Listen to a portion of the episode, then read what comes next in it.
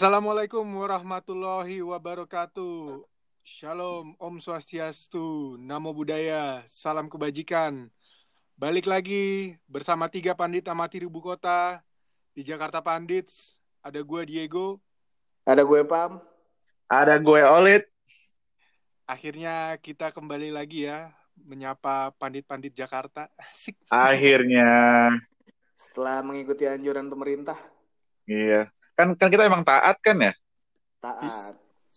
Natural jadinya kita natural tiba-tiba hilang aja gitu kan maksudnya sesu kayak ini kayak restoran-restoran itu kan tiba-tiba tutup gitu. Jadi Iya, iya benar. Jadi orang-orang pada kangen ya nunggu-nungguin wah Mudah-mudahan. podcastnya keluar lagi. ya semoga ya. Makanya kalau misalnya beneran kangen harusnya request dong ya nggak sih? Iya sih, Karena- harusnya ya. Kita kembali lagi karena udah ada berita baru kan tentang Liga Indonesia. Oh iya, Betul. Nah, update. Bakal ada banyak banget yang kita bahas ya kali ini karena udah lama banget nggak nggak rekaman lagi, Mm, nggak pernah Hmm. podcast lagi. Terus udah kurang lebih berapa bulan nih? Empat bulan ya. Hampir Iya, 3 sampai 4 bulan lah. Hampir empat bulan kita tanpa sepak bola lokal, tanpa sepak bola di Jakarta. mm-mm. Terus Iya sih. gimana nih menurut kalian? Empat bulan ini tanpa sepak bola lokal, terutama di Jakarta nih. Hmm. Rasa sih kalau menurut gue em, dari hal-hal paling simple aja eh, weekend harus cari hobi baru ya nggak sih? Iya. Dan gue ingat banget terakhir kan kita emang pengen ke stadion eh, buat nonton lawan Persebaya kan waktu itu. Iya. Betul. Kita eh, bikin apa episode sama An- Anthony Sutton Jakarta Casual itu kan eh, salah satunya pas lagi build up mau Persebaya dan baru aja season mulai kita habis menang lawan Borneo terus Iya. Terus hype itu direnggut begitu saja dari kita. Dan harusnya eh, podcast sama Jakarta Casual tuh jadi ini ya, jadi review ya, apa preview ya harusnya ya. Iya harusnya Waktu itu. Ya, soalnya kan dia kayak eh eh oh itu setelah udah ini udah dipospon ya kan? Setelah Hmm, dipospon. betul, betul. Soalnya abis itu Hmm, lawan. Bayangkara kan. Iya lawan Iya, Bayangkara. Nah lawan Bayangkara gue masih nonton tuh terakhir. Hmm, Berarti lo ya, akhirnya di Bayangkara ya. Iya di PTIK waktu itu. Mhm. ya. Tapi kan lu bukan eh mak- maksudnya lu harus ada ini kan sesuatu untuk bisa ke sana. Maksudnya Jebolan gue. iya lu jebolan gitu kan. Nggak ada yang- Berapa Ya, sekalian- ini kok? kerja juga waktu itu. Jadi Iya. sekalian. Ya makanya sekalian kerja gitu sekalian. tapi emang pas itu eh, Bayangkara emang ter- udah terakhir itu kan yang yang Udah. yang Bayangkara yang pertama emang udah gak ada penonton ya ya nggak sih untuk Iya. pertandingan Persija dan Iya, abis itu- itu udah eh, Awalnya kan kasusnya klasternya kan hanya di Jakarta kan. Cuma Hmm. ternyata beberapa bulan ini merembet ke 34 eh, wilayah provinsi di Indonesia. Ya akhirnya ditunda lah karena juga kegiatan utama untuk mencari uang mencari nafkah tuh ketunda semua kan. Mm-mm. Betul. Dan itu bener-bener kerasa banget sih selama empat bulan ini. Kayak nggak usah jauh-jauh pertandingan sepak bola secara resmi di stadion deh. Hmm. Kayak gue tuh kadang-kadang kan kalau eh, sore-sore gitu masih ini kan gue olahraga di sekitar eh, rumah gue lah. Iya. Biasanya di di lapangan-lapangan tuh masih banyak anak-anak kecil yang main bola. Ini nggak ada ya? Bola plastik. Ini bener-bener nggak ada sama sekali. Jadi bener-bener nggak ada sepak bola sama sekali selama kurang lebih empat bulan Gila. inilah di Hmm. sekitar lingkungan gue. nah itu yang yang kadang kita mikir eh, betapa kehilangannya eh, sepak bola secara menyeluruh bukan Hmm. hanya buat untuk kompetisi profesional tapi untuk apa kayak olahraga segar bugar anak-anak sama bapak-bapak RT RW gitu kan kayak udah hilang gitu langsung secara eh, barengan gitu. Jadi eh, hal kayak gini yang emang nggak pernah kita ada alami sebelum ini. Ini pertama kali kan kayak gitu. Iya. Apalagi di seluruh dunia ya, kalau kita lihat ini aja Liga Inggris yang baru pertama kali mulai kan Liga Bundesliga ya. Baru Hmm. mulai lagi tuh di awal. Eh enggak, Bundesliga. Korea men. Ingat Oh, gak Korea pertama dulu ya, kali? Iya, K-League dulu pertama mulai itu. Kayak Liga Ya, terus jadi kayak apa?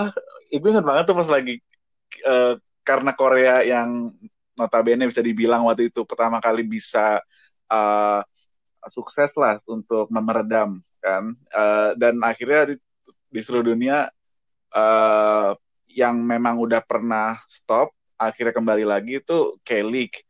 Dan gue inget banget sampai kayak akun-akun atau uh, website-website besar sepak bola langsung hype up K-League gitu. Itu kayak unik banget gak sih? Kayak Iya, Oh. semua orang jadi akhirnya nonton K-League karena Iya. nggak ada nggak ada pilihan lain lagi ya nggak sih? akhirnya ya.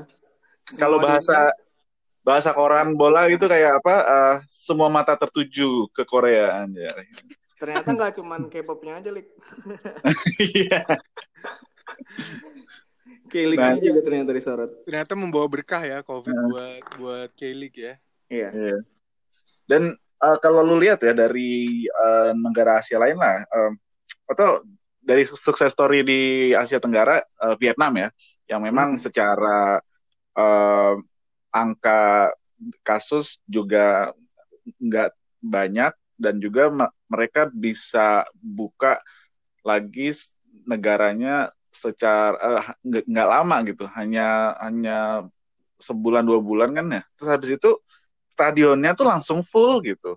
Oh Ya ya. Oh mereka udah secara normal lagi menggelar Iya. pertandingan. Heeh, jadi Oh. eh, kan gue sempat follow di Twitter eh, yang kayak eh, Viet Phuti, eh, j- jurnalis eh, sepak bola Vietnam gitu, yang memang mereka pun eh, banyak orang insan sepak bola Vietnam yang memang reguler suka datang ke stadion juga kaget eh, orang-orang Vietnam yang biasanya nggak pernah ke stadion pada ke stadion. Jadi itu saking kayak Berkahnya ya.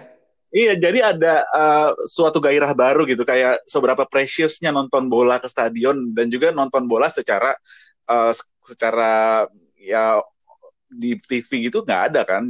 Jadi kayak Wah. kalau ada fans Vietnam yang anak anak IPL gitu, anak atau anak anak Serie A atau pokoknya anak sepak bola Eropa gitu, tuh pelariannya akhirnya ke bola lokal lagi gitu dan dan uh, bola lokal Vietnam yang memang hanya ada beberapa tim yang punya at- uh, attendance atau apa uh, supporter-supporter yang memang selalu konsisten uh, memenuhi stadion. Nah kemarin ada ada banyak tim-tim yang biasanya sepi malah jadi penuh gitu. Iya biasanya kan standar lah ya. Mm-mm. Itu unik banget. Eh, Salah satu case unik kalau untuk melihat sepak bola dalam masa pandemi ini ya Vietnam sih salah satunya kalau menurut gue. Iya benar. Nah, kalau kalian ngelihat eh, di negara-negara lain kayak di negara-negara Eropa sebenarnya apa sih latar belakang yang membuat mereka akhirnya bisa menggelar lagi pertandingan sepak bola walaupun eh, nggak secara normal ya? Kalau menurut gue sih sebenarnya pertama faktor ekonomi juga sih karena kan industri sepak bola di Eropa udah gede banget kan. Hmm. Itu nggak ngelibatin hanya satu dua perusahaan aja gitu banyak eh, uang yang berputar lah di sana. Hmm. Terlebih juga mereka pengen nunjukin nih kalau misalkan sepak bola tuh bisa dihadirkan dalam situasi lain. Menurut menurut gue Hmm. juga awalnya an- kita nggak aneh karena kita sering nonton Persija tanpa penonton kan. iya sih, bener juga sih. Mungkin buat orang-orang sana aneh gitu ketika derby eh, sama tim sekota tanpa penonton atau perayaan Liverpool juara tanpa penonton. Tapi menurut gua kita udah punya pengalaman beberapa kali pertandingan Persija tanpa penonton. Ya nggak aneh sih. Kayak gitu. Bahkan suara pemain-pemain kan kedengeran juga kalau Persija tanpa penonton tuh. Iya. Iya, itu aneh Gitu sih. banget sih sebenarnya waktu eh, Bundesliga pertama kali dimulai lagi kan langsung Mhm. derby tuh Schalke lawan Dortmund. ya. Oh, iya. Bener-bener gak ada Iya, atmosfer derby sama sekali sih di pertandingan Iya. itu sebenarnya Iya. karena nggak ada penonton. Entah kenapa gue Itu juga lihat ini itu ya, juga yang itu ya, yang apa, yang Dortmund Schalke itu gue lihat emang eh, jadi kayak eh, pertandingan checklist eh, untuk eh, menandakan COVID-19 eh, bertema apa pe- pertandingan sepak bola bertema COVID-19 sih dengan kayak si siapa si uh, Erling Haaland pas selebrasi ada uh, social distancing gitu-gitu jadi Oh kayak iya iya. iya. emang itu tuh jadi uh, menurut gue bakalan jadi case study untuk uh, peneliti sepak bola saat di masa ini sih. Iya, Tapi ada kebiasaan-kebiasaan baru jadi ntar yang Hmm. muncul ya. Tapi menarik juga itu cuman gue ngeliatnya kan gue nonton dari Bundesliga, Liga Inggris, Liga La, La Liga sama Italia kan. Mhm. Yang melakukan kayak gitu cuma Liga Jerman doang loh. Di, Iya di Liga sih. Inggris, di Liga La Liga atau di Serie A tetap pelukan. Iya. Kalau selebrasi ya mungkin karena memang di Jerman ketat kali ya sampai hal-hal detail untuk selebrasi itu diatur dengan jelas. Hmm. Terus Dan regulasinya tuh juga nih. Hmm. Iya, dan regulasinya tuh bener-bener eh, dibikin ketat banget sih sama pemerintah, sama Bundesliga-nya sendiri yang udah ngeluarin manual khusus gimana caranya menggelar pertandingan di tengah pandemi COVID-19 ini. Nggak ada ini ya poin-poin ambigu gitu nggak ada ya? Gak ada sih, setahu gue nggak ada tuh. Kayak poin-poinnya tuh setahu gue ya, di dalam manualnya tuh dalam ketika menggelar pertandingan itu di sekitar area stadion cuma boleh ada maksimal 213 orang. Itu udah Hmm. termasuk timnya, udah termasuk eh, petugas di stadion, media segala macam, cuma boleh 213 orang. Dan saat tim-tim yang akan bertanding menuju ke stadion itu harus disediain dua atau lebih busnya. Jadi saat mereka duduk tuh bisa bener-bener physical distancing gitu loh. Jadi nggak Oh iya, iya. seperti biasa. Hmm. Jadi ya hal-hal kayak gitulah yang diatur di dalam manualnya. Iya tuh kayak angka yang lu barusan bilang ya 213 itu kan sangat spesifik gitu. Jadi kayak Iya iya. kalau gue mikirnya kalau di Indonesia mungkin ya sekitar 200-an lah. Oh gitu. Tapi yang datang 2000 gitu. Tapi Belum lagi undangan-undangan ya kan? Iya. iya iya iya. Bilangnya undangan sponsor ya. Iya undangan sponsor. Tapi ada yang menarik sih sebenarnya dari kemarin liga tuh. Kalau apa liga-liga yang udah mulai di luar negeri ya. Yang menarik adalah pertandingan antara Sampdoria lawan Inter kalau nggak salah. Itu Manolo Gabbiadini yang sebelumnya positif coronavirus udah duduk di bench sih. Hmm. Iya. Iya. Sebuah pas gue liat anjir, oh udah sembuh ternyata Manolo Gabbiadini dan ternyata emang boleh ketika emang udah oh, seseorang sudah dinyatakan sembuh untuk melakukan kegiatan normal lagi. Tapi gue tetap ini Pam belum percaya. Soalnya dia nggak punya sertifikat. kayak Sertifikat- kayak orang-orang yang di bandara. Ya. Nah, cuma setahu gue ya, nggak tahu kalau di liga-liga lain, tapi kalau setahu gue di Bundesliga itu eh, pemain, staf pelatih itu mereka tiap dua minggu sekali itu dites. Iya. Rapid test ya. Ra- bukan rapid test, eh, tes Oh, swab. udah PCR. Karena mereka udah memungkinkan gitu melakukan tes eh, secara secara masif di Jerman. Orang Hmm. mereka aja tuh setiap hari kalau nggak salah yang general nih ya masyarakat Jerman Iya. itu ada sekitar 800 ribu tes dalam Hmm. seharinya. Dan Hmm. buat di Bundesliga sendiri ada sekitar kurang lebih 20 ribu orang lah yang dites. Hmm. Gila Supaya berarti bisa- melibatkan sebanyak itu ya Bundesliga ya. Iya, mereka punya 20 ribu. kapasitas sebesar itu buat makanya mereka pede buat menggelar eh, pertandingan Bundesliga kembali gitu loh. Hmm. Karena udah Ah. bisa eh, memperkecil kemungkinan penyebaran virus itulah. Mm-mm. Nah, terus juga ada beberapa hal-hal unik kan, eh, kayak upaya-upaya dari eh, eh, pihak klub untuk meng, apa, memberikan eh, supporternya agar bisa berkontribusi ke pertandingan walaupun mereka tidak bisa langsung dat- datang ke stadion Oh, gitu, Ya ya. ya kan? Kayak- Kayak apa? eh, di inilah dikasih card eh, cardboard gitu yang upload fotonya ke ini ke website klub officialnya terus habis itu ntar fotonya bakalan di eh, dipajang eh, secara cardboard kayak eh, di ini di tribun gitu dan, Iya dan ya. Yang di apa di Denmark malah itu menarik banget dia kayak pakai eh screen gitu eh, kayak kayak big screen terus Mhm. terus ada zoom streaming gitu da- dari rumah jadi kayak aduh menarik banget itu Ya mereka pasang eh, layar LED gitu kan di pinggir ah. lapangannya. Terus nontonnya secara Zoom. Iya itu, itu itu menurut gue kayak uh, mendefinisikan banget uh, 2020 gitu musim Iya. 2020 Kayak akhirnya klub-klub tuh mencari cara supaya gimana caranya nih saat bertanding atmosfer pertandingan seperti pertandingan-pertandingan normal tuh bisa dihidupin lagi ya. Mm-mm. Walaupun Iya. mungkin penonton nggak bisa datang secara fisik. Kayak contohnya pas eh, Leverkusen lawan Bayern ya. Hmm. Itu kan tanpa penonton, tribunnya kosong. Tapi tuh gue menariknya gue denger suara penonton gitu loh yang di yang dipasang sama eh, sama hostnya gitu loh di stadion. Heeh. Itu memang di beberapa liga sih go, termasuk Iya. Bundesliga, FA, FA itu Liga Inggris. Itu karena udah kerja sama sama EA Sport kan. Jadi Hmm. itu ada di game FIFA. Jadi suaranya memang diputar secara real gitu ketika pelanggaran. Hmm. Tim home yang kayak kesal sama pemain away-nya kayak gitu-gitu itu udah diatur sih. Dan itu menurut gua salah satu strategi yang menarik juga ya. Hmm. Kalau misalkan dibayangkan uh, ada di Liga Indonesia tapi nggak ada sih yang bisa ngerekam suara atmosfer pertandingan 90 menit kalau belum belum license si EA Sport ini sih. Iya sih. Hmm. Tapi paling enggak itu memberikan suasana eh, yang yang bisa menopang eh, entertainment value kalau nonton dari rumah kan karena pas siaran Iya. langsung enggak sih? Iya ya. Jadi ya, ya ya gitu. Jadi nggak isinya suara eh, teriak-teriak pelatih, "Oi, oi, dai ragazzi" atau apa gitu kan enggak. itu Liga Italia masih kayak gitu tuh Liga Italia. Masih masih Iya. gitu. Tapi kadang- semalam masih kayak gitu. Iya.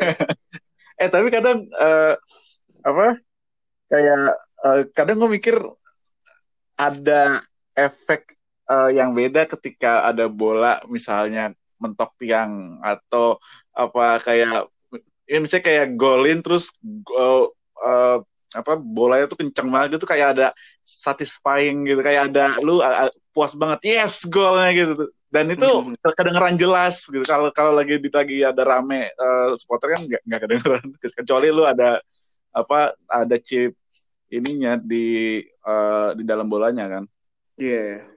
Dan itu bener-bener eh, suatu hal yang menarik sih.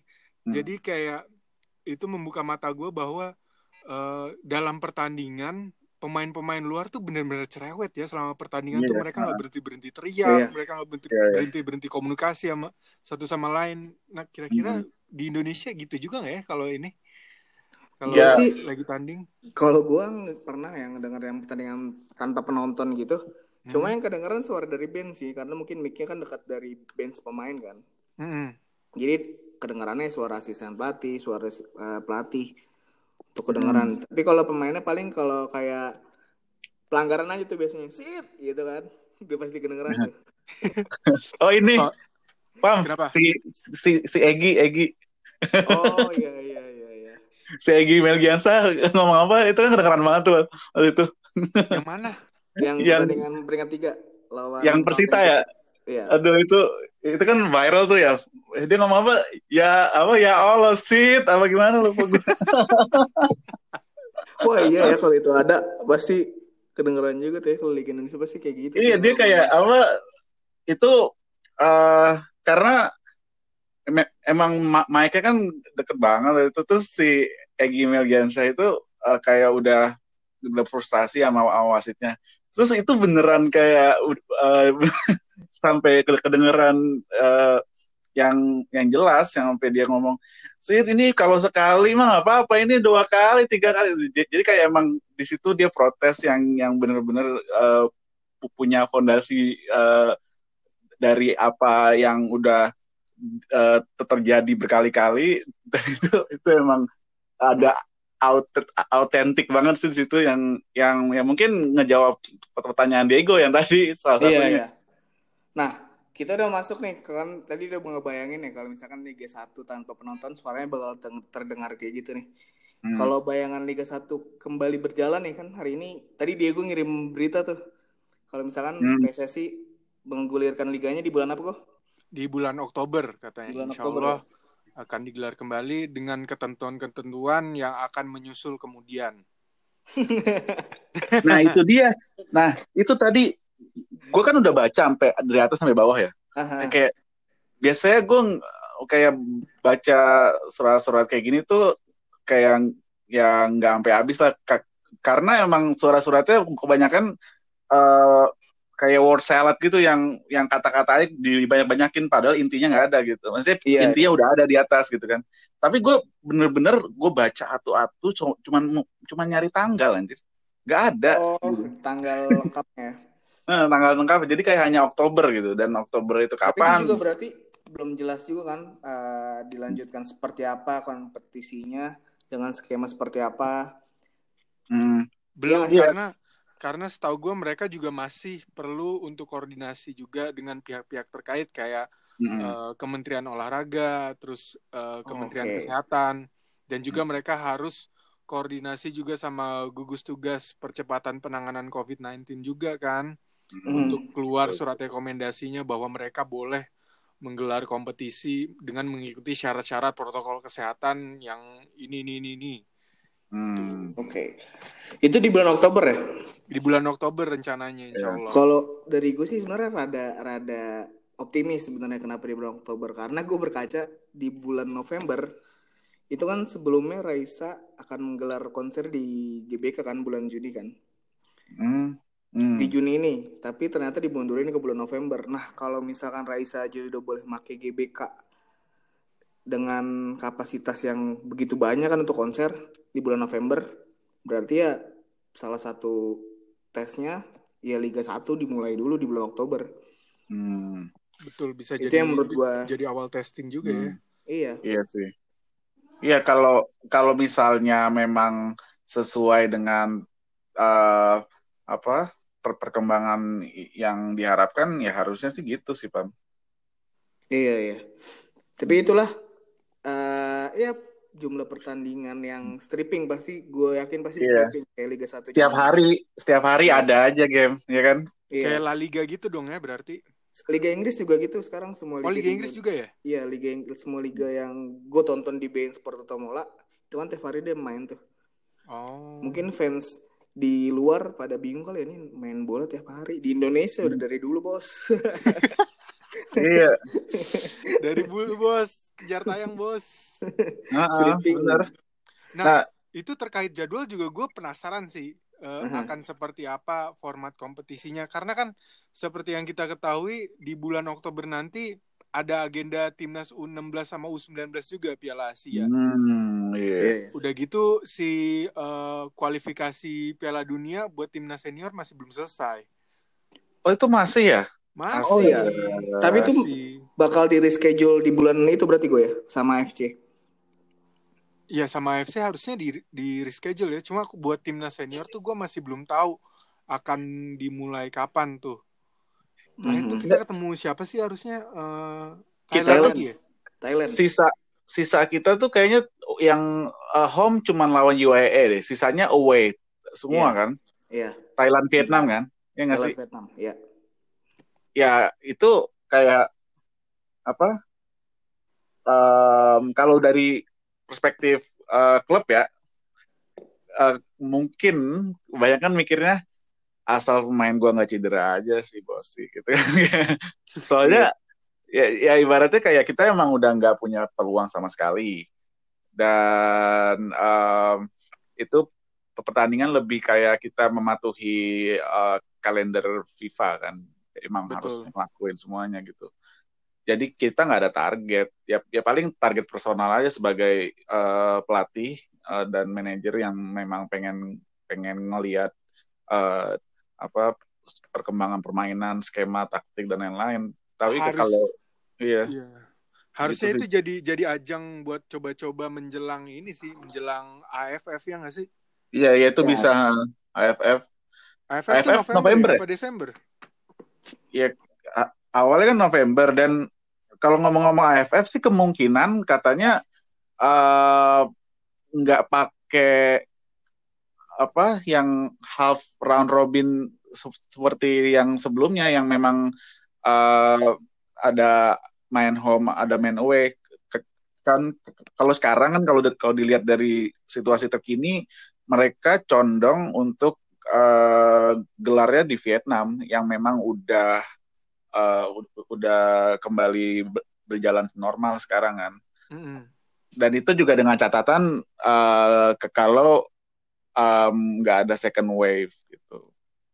Betul sih itu yeah, penting juga sih jadi catatan soal second wave itu. Iya. Yeah. Dan apalagi uh, kapasitas testing di nggak usah jauh-jauh di Indonesia deh di Jakarta sendiri aja kan masih yeah. masih jauh sebenarnya dari uh. presentasi penduduknya gitu loh. Iya yeah, betul betul betul. Iya uh, kadang kalau mikir uh, beberapa negara yang uh, ya kayak Korea gitu kan anak uh, sekolah udah pada masuk lagi sempet ya terus habis itu ada outbreak lagi terus pada diliburin lagi, lagi gitu nah, iya diliburin lagi uh, ya mau nggak mau gitu terus juga di Beijing dan lain-lain udah second wave gitu terus ya mikir-mikir wah negara lain udah second wave kita, kita boro-boro first wave aja kita belum tahu ujungnya kan nah uh, jadi kayak um, sebenarnya timeline yang di, dikasih PSSI itu timeline dengan penuh optimisme tinggi sih menurut gue.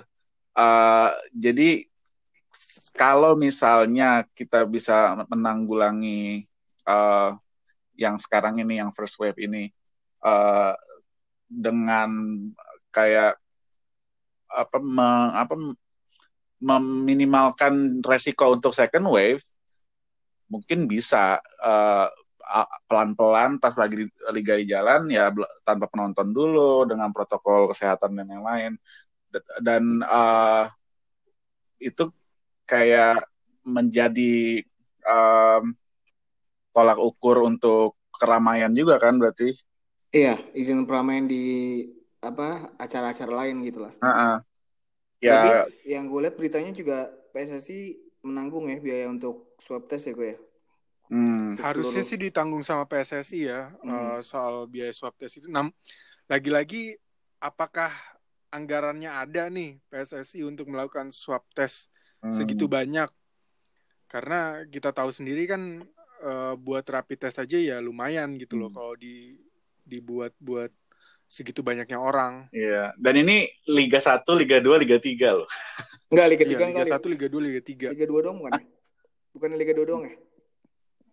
eh, Liga 3 juga. Oh, Liga 3 iya, juga. Di, di yang press release ada ada Liga 3, Liga, Liga 1, Liga 2, Liga 3 sih. Berat Situnya. sih kalau sampai Liga 3 sih. Iya, makanya.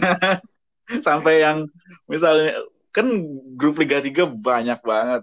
Iya, iya. Sampai Oke, ini kan tadi rencana kita di Liga 1 yang mau boleh berjalan ya. Coba kita tengok hmm. ke tetangga sebelah di negeri Malaysia nih. Udah ada kontributor dari Jakarta Pandits yang akan bercerita-cerita sama Olit nih tentang gimana sih Liga saat Liga Malaysia akan jalan lagi atau enggak di pan selama pandemi ini. Kita dengarkan pembicaraannya.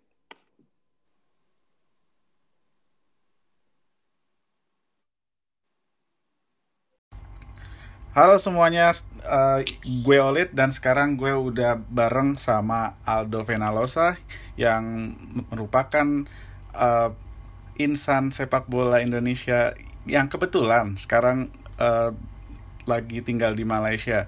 Dia juga lumayan mengikuti perkembangan sepak bola Malaysia.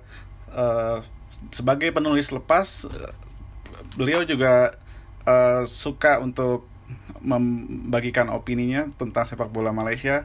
Uh, dan kebetulan karena tinggal di Selangor jadi ya tim yang disokong atau yang didukung itu ya pastinya Selangor FE gitu.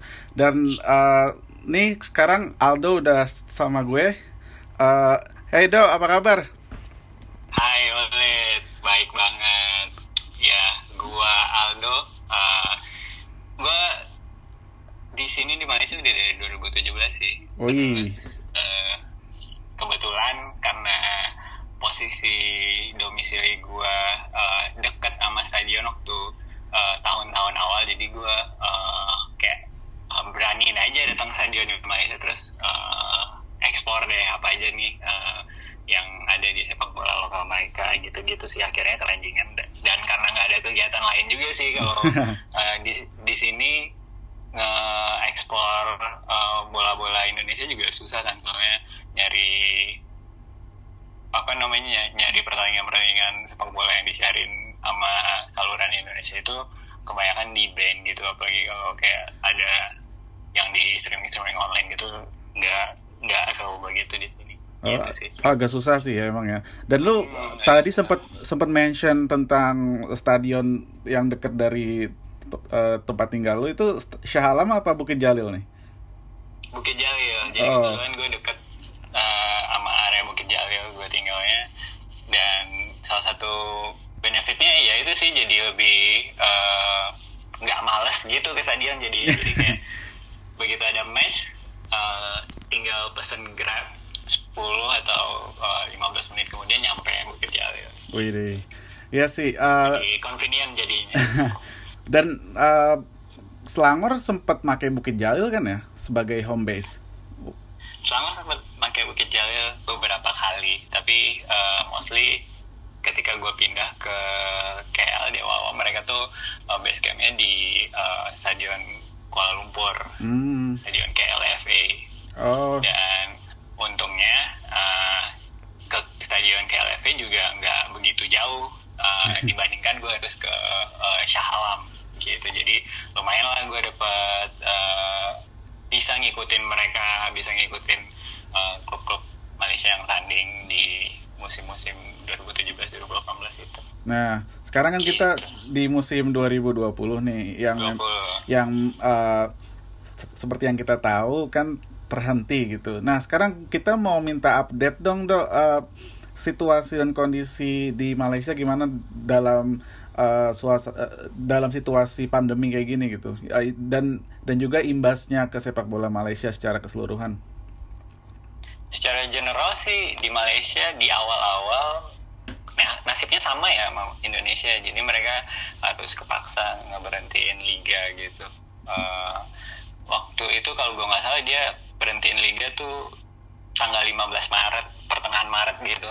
Eh, setelah beberapa pertandingan empat apa lima pertandingan mereka mutusin uh, lockdown mau nggak mau si sepak bola juga dipospon salah satu aktivitas yang undang keramaian kan Mm-mm. dari uh, pemerintahnya sendiri SOP SOP buat ngebatasin uh, keramaian gitu langsung diturunin terus imbasnya ya ke sepak bola salah satunya sebagai olahraga outdoor yang yang undang orang banyak gitu Hmm. Dan dan Dan itu eh, saat itu kalau nggak salah eh, memang lumayan ada transisi di mana eh, tiga pertandingan pertama apa dua pertandingan pertama itu masih ada penonton terus di pertandingan terakhir sebelum di stop itu udah nggak ada penonton ya Benar. Jadi di awal eh, liga itu kayak musim normal aja. Jadi sebenarnya kasus di Malaysia itu dari pertengahan akhir Januari atau pertengahan Februari gitu udah mulai terdeteksi kan.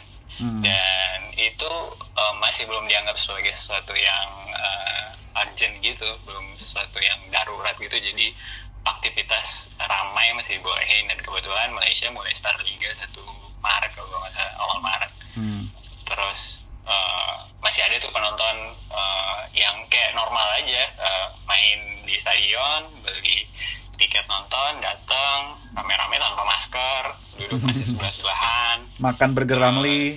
Iya makan burger ramli. Gitu gitu terus eh, ya masih kayak normal gitu.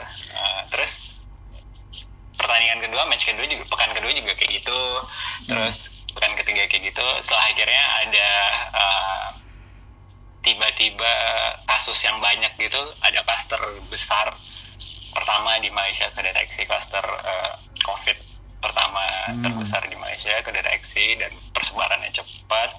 Terus mulai deh di eh, ini yang di batas-batasin salah satunya olahraga. Waktu itu kebijakannya olahraga salah satunya sepak bola itu oh, masih boleh jalan tapi uh, tanpa penonton di dalam stadion tertutup. Tapi uh, itu salah satu transisinya. Jadi kayak uh, itu pengumumannya kalau gua nggak salah tuh pertengahan minggu terus di akhir minggu tuh masih masih ada pertandingan. Jadi ya transisinya dibikin kayak gitu.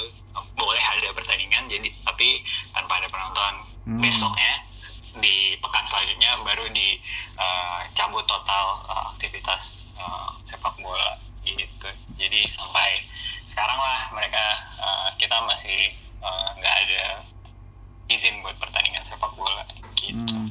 Dan kalau uh, di Malaysia kan uh, ada beberapa klub yang memang punya season tiket uh, kayak tiket musim yang langsung Iya. home game dari awal sampai akhir ya. Jadi uh, tiket terusan lah ya kita ngomongnya biasanya kan. Hmm, hmm, jadi Nah, terusan. itu uh, apa ke kebijakan dari klub yang memang punya uh, sistem tiket terusan ini dalam memberikan kompensasi kepada uh, ini holder tiket Penontonnya. terusan itu uh, yang udah beli dari awal.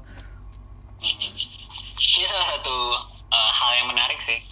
Sebenarnya musim ini itu adalah musim pionir klub-klub Malaysia ngeluarin tiket terusan. Hmm. Sebelumnya tiket terusan cuman uh, populer sama JDT. Oh iya pasti. Terus uh, uh, ada satu atau dua followers uh, klub yang ngikutin tapi nggak sukses gitu. Nah Hmm. di tahun 2020 ini nggak tahu kenapa mereka tiba-tiba jadi punya uh, program tiket terusan yang uh, planningnya matang banget gitu Yoi. dengan ber, mm, dengan berbagai uh, apa namanya uh, paket segala Oh, macam iya. gitu-gitu kan. Tapi ternyata pandemi terus lockdown terus tiket terusannya jadi nganggur. Di awal-awal uh, sempat muncul keraguan sama uh, orang-orang yang udah beli kan. Ya ini gimana nih caranya uh, tiket terusan udah segini-segini. Tapi gue yang gue ikutin uh, lumayan bikin ini loh, lumayan bikin salut gitu dari penonton yang uh, beli tiket terusan. Mereka tuh kayak uh, nunjukin kalau uh, sebenarnya gue nggak masalah sih uh, gue beli tiket terusan, tiket musiman. Uh, sebenarnya tujuan uh, gue beli tiket musiman buat nge-support klub gitu. Jadi Hmm. bukan uh, ke faktor uh, apa ya bukan ke faktor uh, hasrat buat uh, nonton tapi lebih ke faktor Oh, buat iya. uh, kesadaran buat nge-support uh, klub secara finansial gitu Hmm, betul betul. dan akhirnya si klub-klub yang punya uh, uh, paket tiket terusan ini juga mereka langsung responsif gitu nge-clarify Hmm. oh uh, lu nggak perlu uh, khawatir kalian yang udah beli tiket terusan tetap bisa uh, ngakses uh, pertandingan di tahun depan gitu jadi kayak di uh, pindahin ditransfer uh, status tiket uh, musim 2020 ke musim 2021 gitu Hmm. jadi uh, at least kalau liga ternyata nggak jalan di tahun 2020 mereka tetap bisa make tiket uh, mereka di tahun 2021 Hmm. gitu Itu kayak tiket Dan konser ya. salah- iya kayak tiket konser dan salah satu yang yang sebenarnya eh, bikin orang-orang yang beli tiket terusan itu nggak terlalu eh, Mempermasalahkan, atau ya. nggak terlalu mempermasalahkan karena tiket terusannya juga affordable sih terjangkau banget Hmm. jadi kayak eh, berapa ya saya ingat gue Selangor kisaran eh, lima ratus ribu sampai satu juta itu bisa dapat nonton eh, Satu musim ya. game game kandang satu musim Iya. gitu. iya sih. dan dan itu eh, juga banyak dengan eh, bonus-bonus gitu loh jadi kayak Hmm. mungkin mereka yang beli juga udah mempertimbangkan itu ah daripada gua nonton cuman 5 match gitu eh, yang eh, relatif harganya sama tiket terusan mending gue beli terus beli, beli tiket terusan gitu kan Hmm. gue bisa dapat eh, nonton match lebih dari 5 gitu Iya betul. Iya kan uh, tiket terusannya juga dibanding sama uh, scarf, terus jer jersey, supporter dan lain-lain. Ya, jadi memang worth it sih kalau dipikir-pikir gitu kan. Kayak uh, emang beli tiket terusan itu sebenarnya udah murah banget gitu. bener Hmm. Dan uh, kalau dari uh, yang situasi terkini itu uh, setelah kemarin kan sempat ada lockdown kan, ya uh, dan uh, lockdownnya termasuk uh, boleh dibilang uh, lumayan sukses lah ya. Iya lumayan berhasil sih sangat berhasil malah menurut gue Hmm.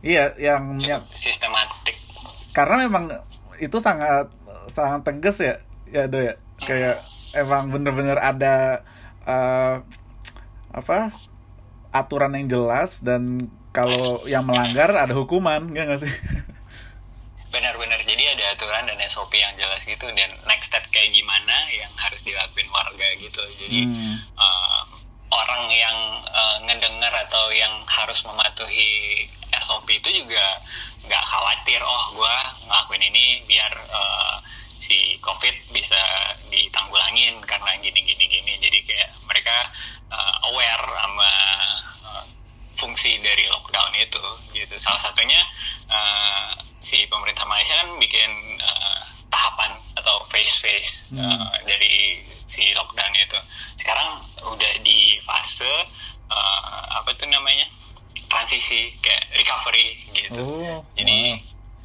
sekarang fase recovery di mana orang-orang atau uh, bisnis-bisnis atau uh, perekonomian gitu udah mulai bisa beraktivitas lagi, mulai bisa Hmm. dijalanin lagi gitu orang udah mulai bisa ke berkumpul rame gitu orang udah uh, boleh ke mana-mana di dalam uh, negara gitu karena ngelihatnya si kasusnya juga menurun kan makanya uh, si pemerintah Malaysia ngelonggarin gitu dan salah satu uh, efek baiknya itu ke olahraga juga Hmm. Uh, olahraga beberapa olahraga seperti kayak olahraga pemain-pemain tunggal gitu uh, bulu tangkis uh, gitu-gitu udah boleh dipertandingkan atau udah boleh dengan latihan berat gitu yang intens gitu nah uh, sekarang walaupun secara tidak lang wala- walaupun belum ada uh, manfaat secara langsung ke olahraga beregu kayak sepak bola tapi uh, si si apa ini namanya si uh, pemerintah fase yang fasenya oke. fase uh, lockdown yang sekarang ini ju- udah ngebolehin uh, si klub-klub buat training gitu jadi Hmm. uh, training dalam uh, status uh, non kontak gitu nggak boleh Oh. di kontak jadi ada SOP buat lo gue kasih izin buat training tapi uh, SOP-nya kayak kayak gini gitu Hmm. jadi uh, udah mulai uh, uh, berlatih sama udah mulai bergulir bergulir sih aktivitas uh, sepak bola di sini gitu Iya sih, gue juga kalau mikir eh, dengan pencapaian Malaysia dalam menanggulangi COVID-19 ini eh, termasuk yang eh, di luar dugaan eh, p- karena eh, kemarin mereka sempat ada political turmoil, jadi eh, sempat ada drama politik yang memang penggantian kepala negara. Itu kan kayak apa lagi situasi krisis. tiba-tiba ya tiba-tiba dan dan politiknya tegang gitu. Tapi eh, ini ya tetap bisa eh, kayak pass the baton kayak eh, estafet kepemimpinan untuk penanggulangan covid ini tetap jalan dengan mulus ya. Ya dan fokus mereka tetap jelas gitu. Oh, walaupun gue ada transisi nih di pemerintahan dan lagi ada situasi kayak gini, gue tetap harus eh, nggak prioritasin situasi kayak Hmm. gini. Nah, dan ini kan ke- Kemenporanya bukan Syed Sadik yang yang kita tahu Syed Sadik ini kan eh, Iya. sangat eksentrik yang sempat eh, ya maksudnya dia kan milenial banget Benar. apa yang ikut ke Jakarta waktu away sama Ultras Malaya sempat sempat Iya waktu sempat ketimpuk Rexona juga ya kan Dunia, iya.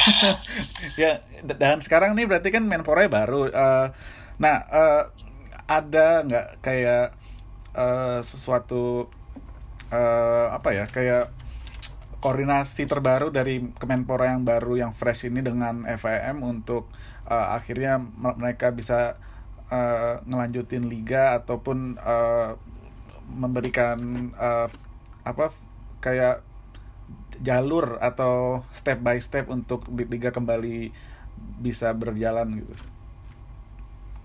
Menurut gua salah satu eh, koordinasi mereka tuh adalah eh, hasilnya yang SOP buat ngebuka training activity di sepak bola ini sih. Hmm. Oh Jadi ini eh, ya emang dari si- Kemenpora ini ya yang Emang baru. da- jadi jadi kalau gua nggak salah ada koordinasi dari Kemenpora, kepolisian atau Kementerian Dalam Negeri gitu, terus eh, dari Kementerian Kesehatan eh, Hmm. yang pastinya, terus eh, sama klub-klub gitu. Jadi kayak mereka semacam ada hearing session gitu atau eh, eh, pertimbangan gitu mereka ngeliat eh, gimana nih eh, kelanjutan buat buat olahraga di Malaysia soalnya kalau uh, dibiarin Malaysia apalagi sepak bola uh, dibiarin olahraga Malaysia apalagi sepak bola uh, mati suri Hmm. sampai berbulan-bulan ke depan itu efeknya nggak bakal bagus soalnya salah satu uh, istilahnya di sini tuh bantuan prihatin kayak Iya.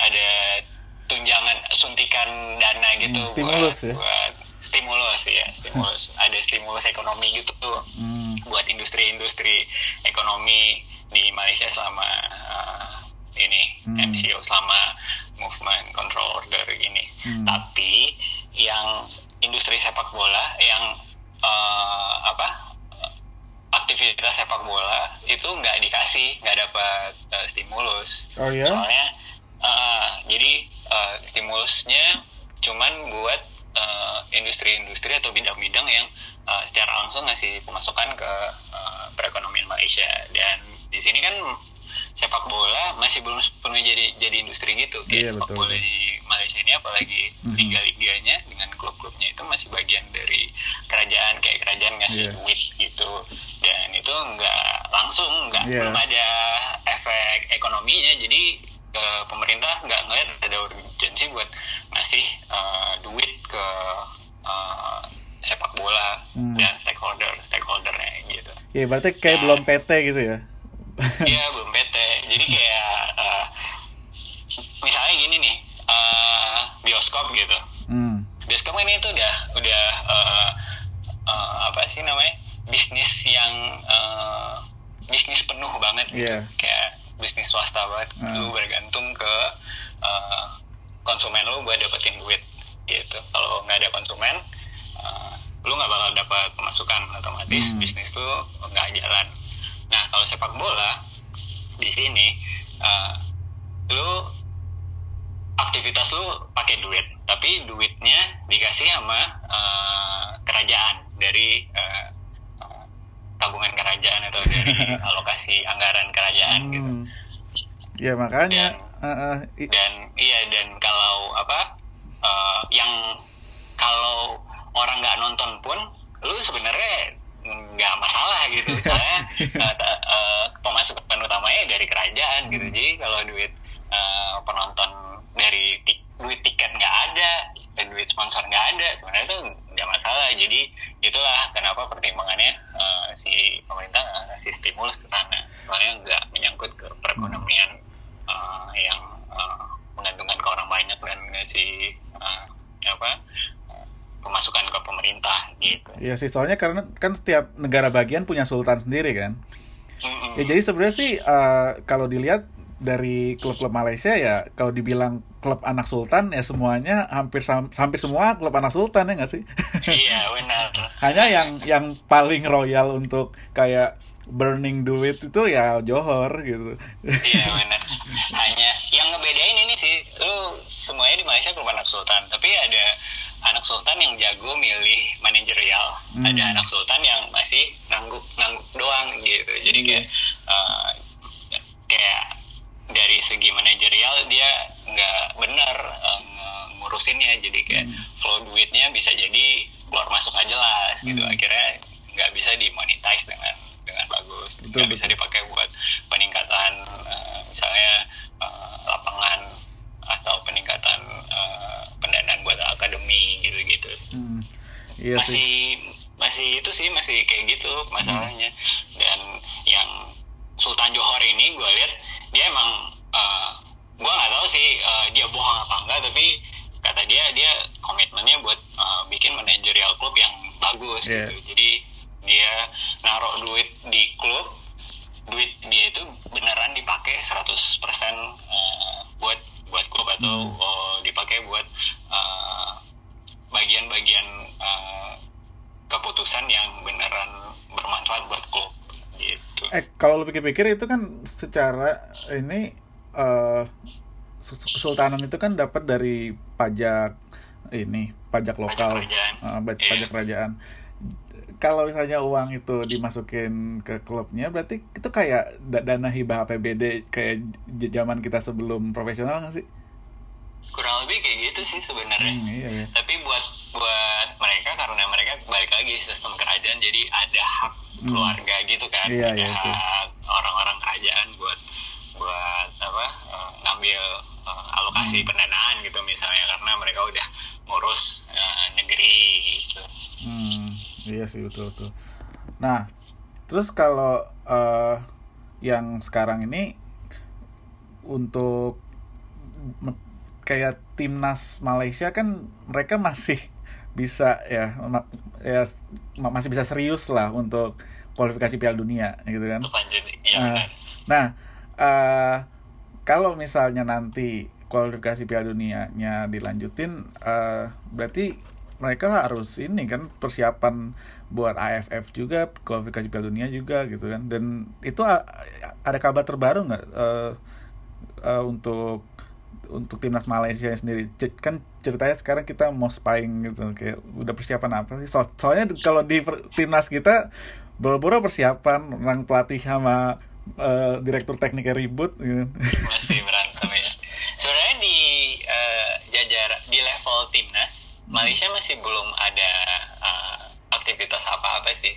Mereka masih prioritasin level klub gitu. Hmm. Jadi kalau level klub udah stabil, eh, maksudnya dari segi SOP klub udah bisa menjalankan eh, SOP dengan eh, konsisten gitu dan Hmm. nggak ada eh, temuan kasus yang muncul dari aktivitas eh, sepak bola mungkin mereka bakal pelan-pelan transisi ke si level timnas gitu Hmm. emang sih beberapa eh, dari dalam eh, apa eh, grassroots atau stakeholder atau supporter eh, lokal sepak bola Malaysia udah mulai khawatir eh kita mau uh, main sama sama Uni Emirat Arab bulan Oktober tapi gimana nih persiapannya? Kita masih belum ada persiapan gitu-gitu Hmm. dan sebenarnya uh, mereka juga khawatir karena ini sebenarnya adalah sebenarnya adalah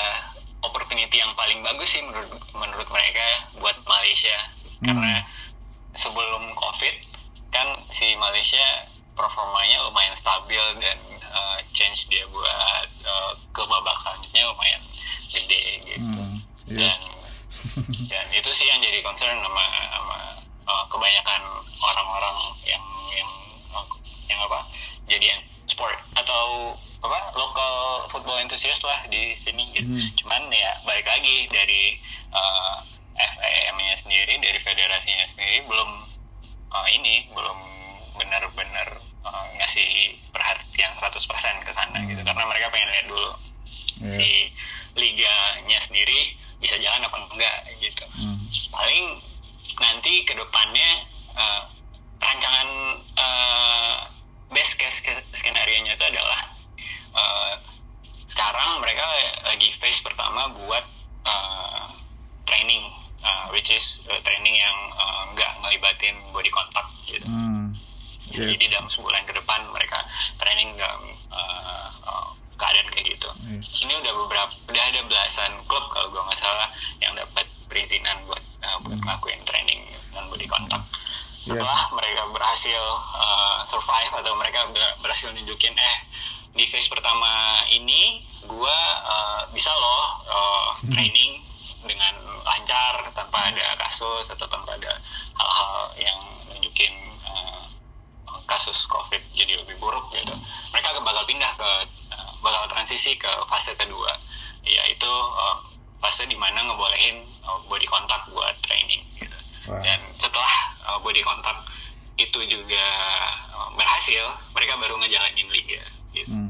dan dan dan ketika uh, semua itu udah bisa kayaknya baru deh si uh, federasinya ambil uh, ambil ini ambil priority buat uh, ngebenerin atau ngefokusin ngegodok lagi uh, pemain timnasnya Hmm. gitu Iya. tapi menurut gua walaupun si uh, federasinya nggak sekarang nggak nggak prioritasin tapi gue yakin sih mereka uh, pasti ada plan A plan B gitu soalnya uh, dari awal sebelum waktu covid awal-awal uh, ngebikin Malaysia lockdown ini mereka udah uh, kayak komitmen gitu kita bakal tetap uh, ini kok ngasih perhatian buat uh, timnas gitu. Iya sih.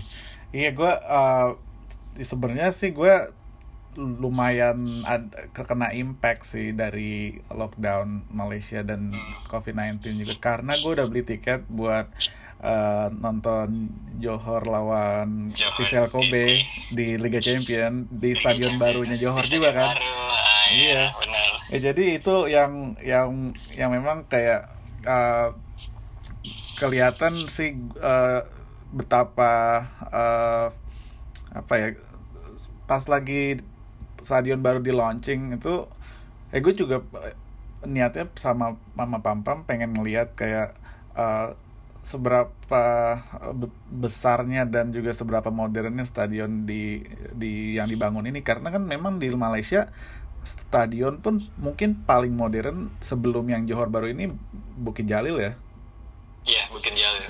dan dan uh, kayak stadion Shah Alam gitu-gitu semua stadion tua juga men ya kan? kayak Benar. uh, jadi Stadion peninggalan tahun 90-an. uh, ya jadi kayak uh, itu sih yang yang yang mungkin ya berharap semoga sepak bola di di Indonesia, di Malaysia dan Asia Tenggara bi- bisa mengikuti Vietnam yang memang uh, termasuk success story di Asia Tenggara gitu kan. Benar, benar Iya. sih. Salah, Iya. salah satu hal yang sebenarnya bikin gue agak eh, kecewa gitu dengan eh, keberadaan COVID ini dari aspek sepak bola.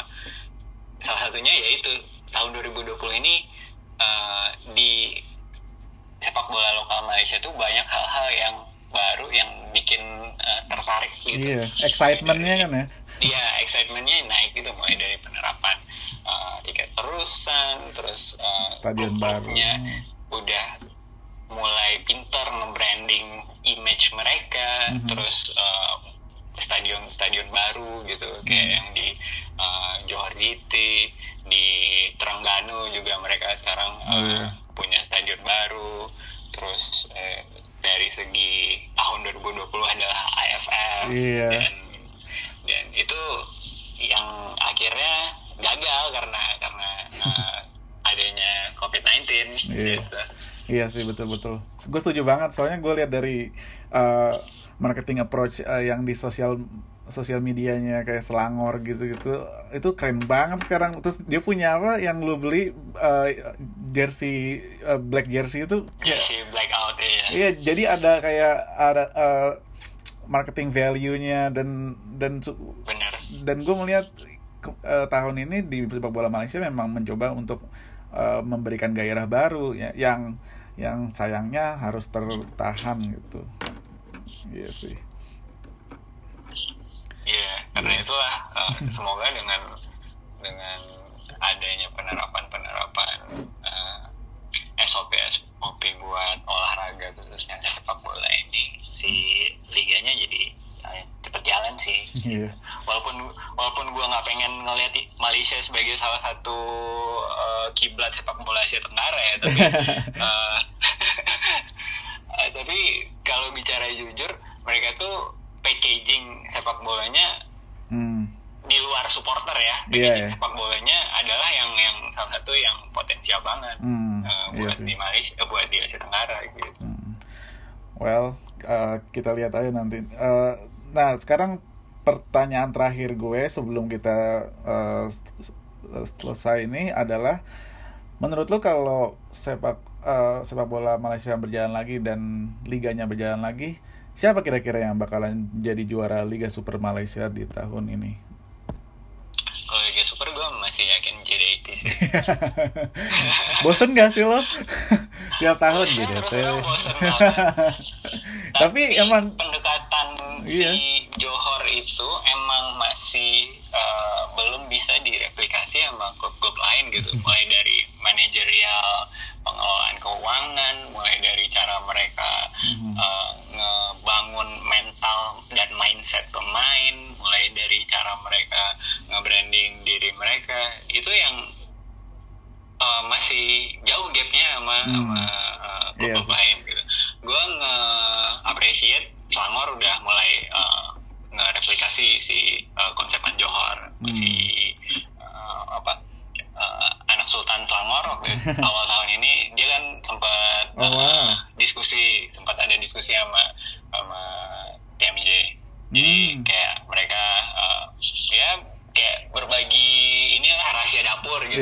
Apa yang yang bisa bikin uh, JDT jadi bagus. Dan uh, si Sangor mulai mulai ngeliatin sih mulai ngeliatin gimana cara mereka branding gimana cara mereka milih pemain kayak Brendan Gunn kayak uh, pemain-pemain yang yang yang apa yang sekarang uh, ada di level uh, teratas Malaysia Mhm. pelan-pelan mereka ambil gitu. Dan dari segi gimana mereka nge-treat penonton dan da- gimana cara uh, apa mereka memarketingkan produk-produk mereka. Dan gimana cara mereka ngebangun uh, akademi gitu. Dan itu uh, gue kayak ngeliat ada oh ada prospek nih Selangor tapi nggak tahun ini juga sih Hmm. pasti bakal panjang lah waktunya Iya, gitu iya. buat Betul. Ya, Johor juga bisa ke titik ini panjang juga kan memang eh, sekarang sekarang dia udah di ya bisa dibilang level Asia lah dengan eh, pencapaian dia yang juara Piala AFC dan juga eh, sekarang menjadi eh, apa eh, peserta reguler di Liga Champions Asia gitu. Liga Champions Asia. Ya itu sih jam terbang sih karena mereka udah reguler main di internasional mau nggak mau eh, si pemainnya juga kayak lebih nyaman gitu buat Betul, betul. ngeluarin kemampuan mereka 100% kan. Betul, betul banget. Well, eh, nggak nyangka nih udah udah lumayan eh, 30 menitan kita ngobrol sama Aldo yang Seru, yang seru. seru banget karena gue langsung mendapatkan insight yang yang mungkin nggak bisa gue dapetin di eh, di internet karena ini langsung on the ground ya nggak? Eh, Semoga berguna. Iya, wah berguna banget sih.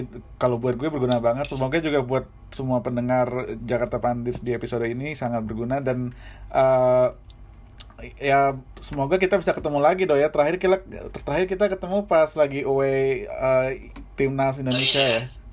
yang yang kalah 2-0 kemarin itu kan. Di Bukit Jalil ya kita sempat kena teror. Iya, wah itu itu salah satu away yang yang memang eh, lumayan berkesan di di 2019 lalu dan eh, kalau dipikir-pikir ya hal-hal kayak gitu yang memang sangat dinanti kalau misalnya kalau misalnya kita berada di satu grup lagi dengan Malaysia dalam AFF akhir tahun ini. benar, benar. Iya, oke deh. Eh, mu- mungkin itu aja tadi yang bisa gue omongin eh, langsung sama Aldo dan mu- mungkin juga kita bisa ngobrol-ngobrol lagi ketika eh, Liga Malaysia eh, berjalan dan eh, update terbaru dari sepak bola Ma- Malaysia secara keseluruhan. Thank you banget do ya eh, atas waktunya. Oke. eh, uh, ngajak ngobrol di Jalan Pandit. Yoi. Well, mungkin gitu aja dari kita. Jadi sekarang eh, kita tutup langsung aja. Ciao. Ciao ciao. Oke, tadi kita udah sama-sama dengerin perbincangan antara Olit dan juga Aldo terkait persiapan Malaysia menggelar eh, kembali liganya di tengah pandemi COVID-19 ini. Tentunya bikin kita jadi penasaran juga ya nanti kira-kira seperti apa Liga 1 berjalan di bulan Oktober nanti. Yang tentunya kita sama-sama semua udah kangen ngelihat pertandingan sepak bola Indonesia dan juga eh, kangen untuk melihat pertandingan Persija Jakarta mengarungi Liga 1 untuk meraih gelar juara berikutnya. Dan untuk episode kali ini kayaknya cukup sekian dari kita. Buat kalian yang suka dengerin konten-konten dari Jakarta Pandits, jangan lupa buat subscribe akun Spotify kita. Jadi setiap ada episode baru, kalian bisa langsung dapat notifikasinya. Dan juga jangan lupa buat follow Instagram kita di @jktpandits. Di situ juga bakal ada update-update soal episode baru dan juga soal sepak bola Jakarta secara umum. Oke, cukup sekian. Sampai ketemu di episode berikutnya. Ciao.